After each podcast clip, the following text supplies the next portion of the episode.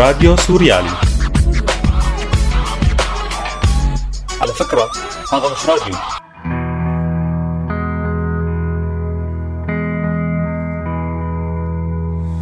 أنا أحرار ما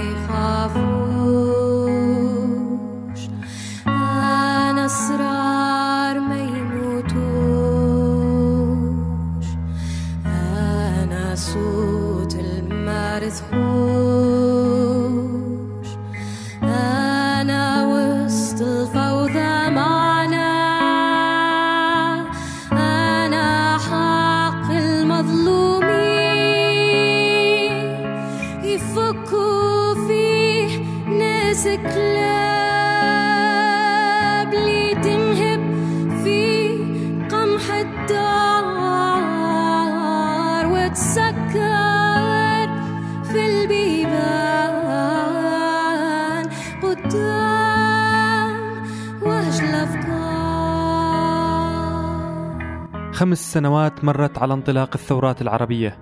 هذا الحدث المؤسس بالتاريخ العربي المعاصر واللي لليوم ما استقر على نتائج نهائية أو معالم واضحة بمعظم البلاد اللي وصلتها موجة الربيع العربي. خمس سنوات كانت مليئة بالأمل والألم والأحلام والدماء والدمار والتغيير والتفاؤل والموت. هي التغطية اللي بنسترجع فيها مسار الثورات العربية في مغرب العالم العربي ومشرقه. حنتذكر سوا أبرز الأحداث اللي شهدتها بلدان الربيع العربي من نقطة الانطلاق بتونس إلى اليمن اللي كان فيها مسار التغيير هو الأصعب مرورا بمصر والبحرين وليبيا اللي عرف التغيير فيهن انتكاسات كبيرة ومؤلمة. أنا أسرار ما يموتوش أنا صوت المرثخوش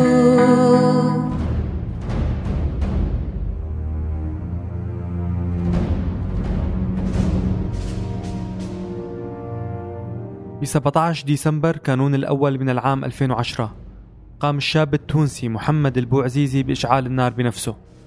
البوعزيزي اللي كان عم يحتج على إهانته ومصادرة مصدر رزقه اللي كان عبارة عن عربة خضار تحول لشرارة سلسلة طويلة من الأحداث السياسية اللي غيرت وجه المنطقة للأبد. تضامنا مع البوعزيزي خرجت مظاهرات احتجاجية في مدينته سيدي بوزيد بداية. سرعان ما امتدت لمدن تونسية أخرى. وسقط أول قتيل برصاص الأمن التونسي بمدينة منزل بوزيان وكان اسمه محمد العماري بتاريخ 24 كانون الأول. بس المظاهرات طبعا ما توقفت على العكس تماما. توسعت أكثر وأكثر وانتشرت بمعظم المدن التونسية.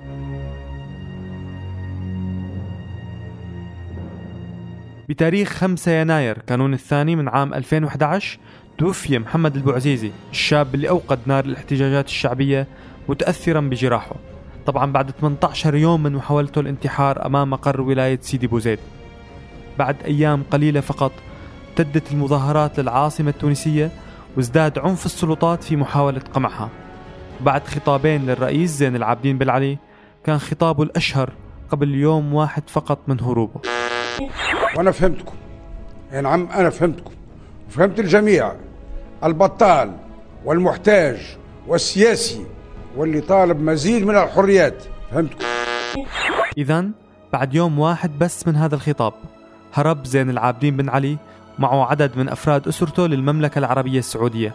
لتبدأ بعدها البلاد مرحلة انتقالية عرفت انتخابات برلمانية ورئاسية رغم كل الصعوبات. بان عليه هرب! بان عليه هرب من الشعب التونسي! بان عليه هرب! بان عليه هرب بان عليه هرب بان عليه هرب عم تسمعوا تغطية خاصة بعنوان خمس سنوات على الثورات العربية على هوا راديو سوريالي. الشعب التونسي حر. الشعب التونسي ما يموتش. الشعب التونسي العظيم. من تونس انتقلت المظاهرات للبلد العربي الأكبر من حيث عدد السكان صاحب التأثير الكبير ثقافيا وسياسيا وإعلاميا. طبعا عم نحكي عن مصر. منظمي التظاهرات الأولى اختاروا تاريخ 25 يناير وهو يصادف عيد الشرطة ليكون موعد انطلاق التظاهرات تحت شعار يوم الغضب. تحول ميدان التحرير بمصر إلى رمز للاحتجاج والاعتصام. اعتصام شارك فيه مئات الآلاف من المصريين. وقبل نهاية الأسبوع كان الرئيس المصري حسني مبارك بيوجه خطابه الأول بعد اندلاع الاحتجاجات وأعلن فيه إقالة الحكومة تعيين أحمد شفيق كرئيس جديد للوزراء. لكن المظاهرات ما توقفت ومبارك بنفس الوقت رفض التنحي. وبتاريخ 2 شباط من عام 2011 صدم العالم بمشاهد ما عرف بموقعة الجمل واللي هاجم خلالها بلطجية وأنصار مبارك ميدان التحرير من على ظهور الخيل والجمال وهن مسلحين بالسيوف والعصي والسكاكين.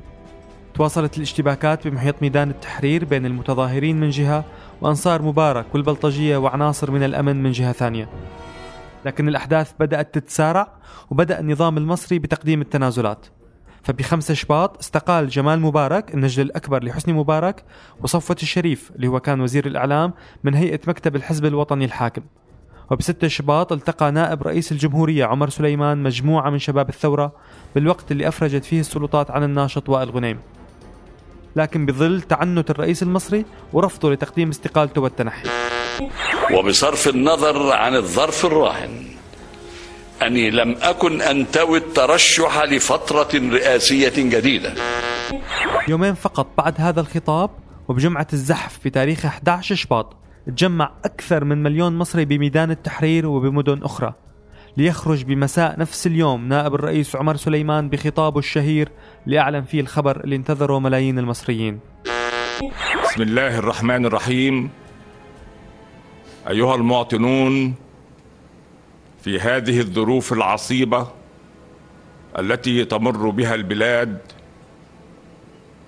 قرر الرئيس محمد حسني مبارك تخليه عن منصب رئيس الجمهورية وكلف المجلس الأعلى للقوات المسلحة لإدارة شؤون البلاد والله الموفق والمستعان. كان مسار التحول بمصر بعد تنحي مبارك معقد وشائك. بدأ بتحالف بين المجلس العسكري وحركة الإخوان المسلمين على حساب شباب الثورة. ومن ثم عرفت البلاد انتخابات برلمانية ورئاسية أدت لفوز حركة الإخوان المسلمين بالأغلبية البرلمانية ووصول الرئيس الإخواني محمد مرسي لمنصب الرئاسة. لكن التحول الديمقراطي بمصر تعرض لنكسة قاسية جدا. فبتاريخ 30 حزيران 2013 تظاهر ملايين المصريين احتجاجا على رئاسة مرسي. لكن هي التظاهرات انتهت بانقلاب عسكري قاده الجيش المصري على الرئيس المنتخب. ومن ثم رجعت عقارب الساعة للوراء فعلا. ورويدا رويدا عادت مظاهر الدولة البوليسية لتسيطر على الساحة المصرية وعلى المجال العام بالبلد.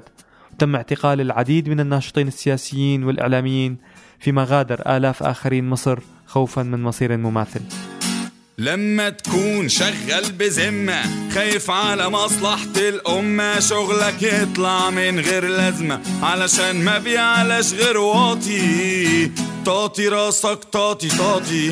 انت في وطن ديمقراطي ولما شقك يصبح مش ليك. فقرك سد السكة عليك تتلفت تلقى حواليك. إما حرامي أو متعاطي طاطي راسك طاطي طاطي أنت في وطن ديمقراطي ولما الجهلة يبقوا أمامك.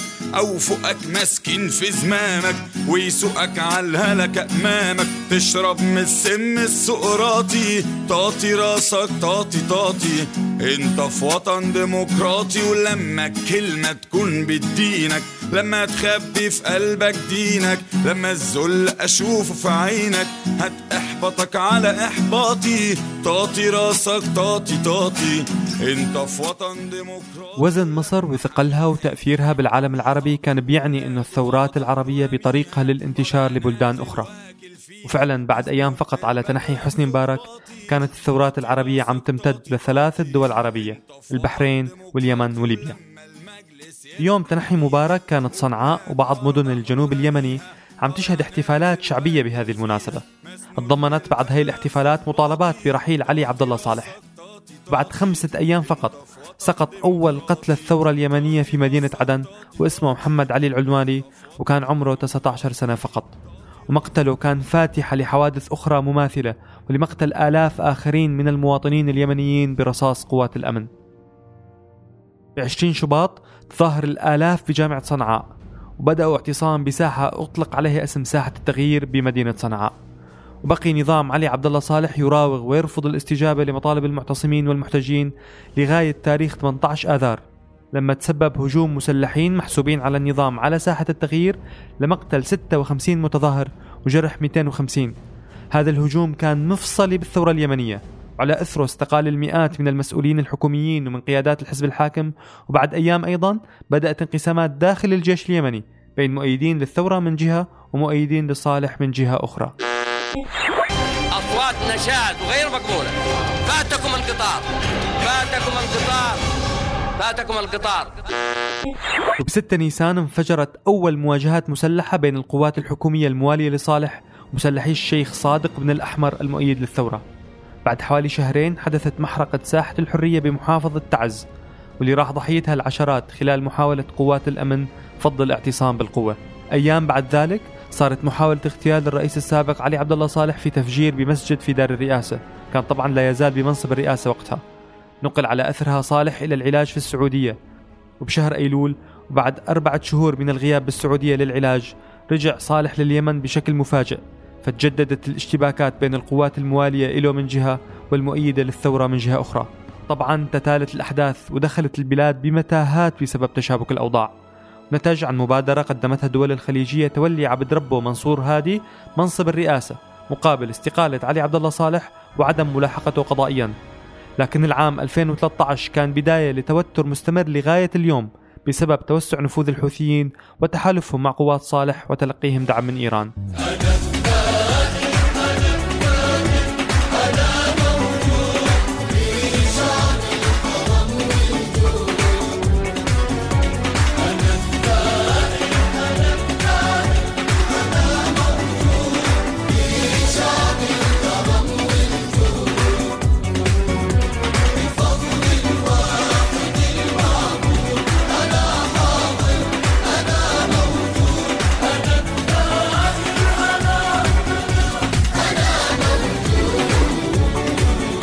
مدينة بعد مدينة سقطت بإيد الحوثيين وسط موجات نزوح واسعة من السكان.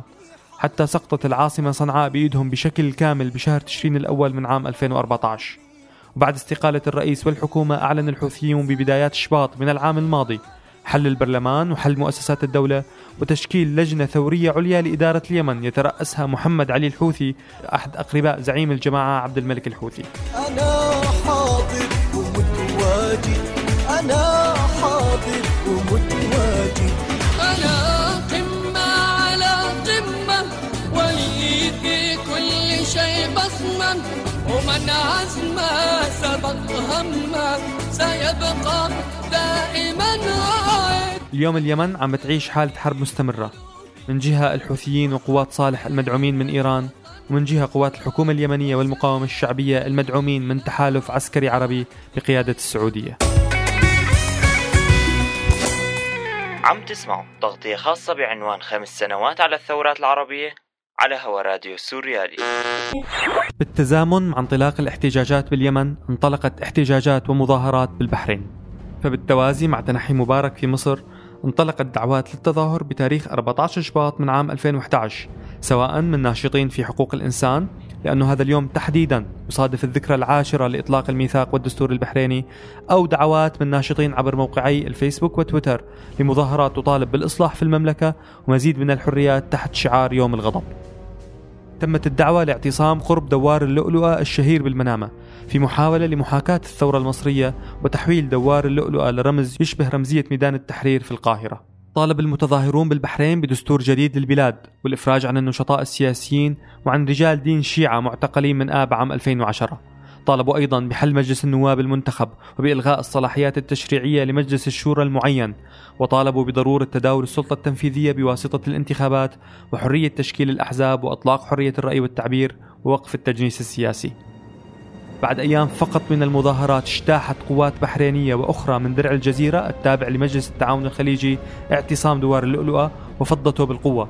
فسقط قتلى وجرحى وانتقلت مظاهرات البحرينيين لعدد من القرى والبلدات الصغيرة في مناطق مختلفة من البلاد. وهي المظاهرات مستمرة بشكل أو بآخر تتجدد كل فترة لأسباب مختلفة.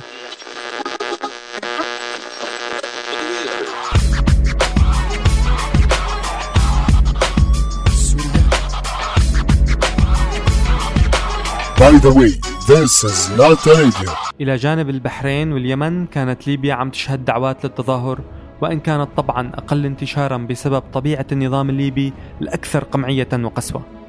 بالسادس عشر من شباط خرجت أول مظاهرة في مدينة بنغازي وانتهت طبعا بالقمع الشديد.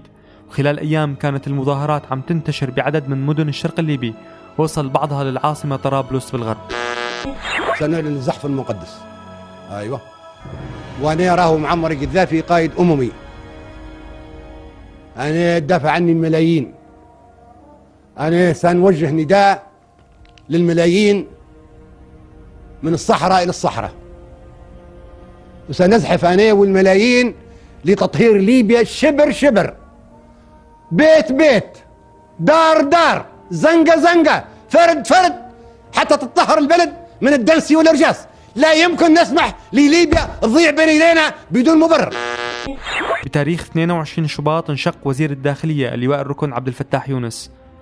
ثم بدأت سلسلة عقوبات دولية ضد النظام الليبي فيما كانت مدينة بنغازي عم تتحول لمقر لعمليات عسكرية ضد كتائب القذافي.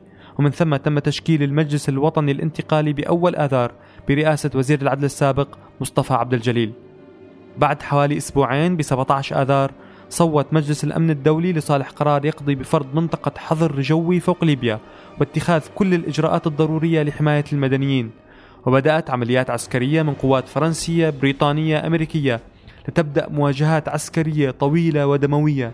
استمرت شهور طويلة ضمنتها عدد من الأحداث منها مثلا انشقاق وزير الخارجية الليبي موسى كوسا واغتيال وزير الداخلية المنشق أساسا عبد الفتاح يونس في مدينة بنغازي بظروف غامضة.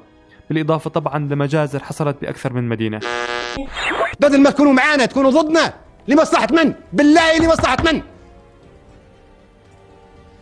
قد تندمون يوم لا ينفع الندم. الذي بيته من الزجاج لا يرجم الناس بالحجارة. من أنتم؟ دقت ساعة العمل. دقت ساعة الزحف. دقت ساعة الانتصار.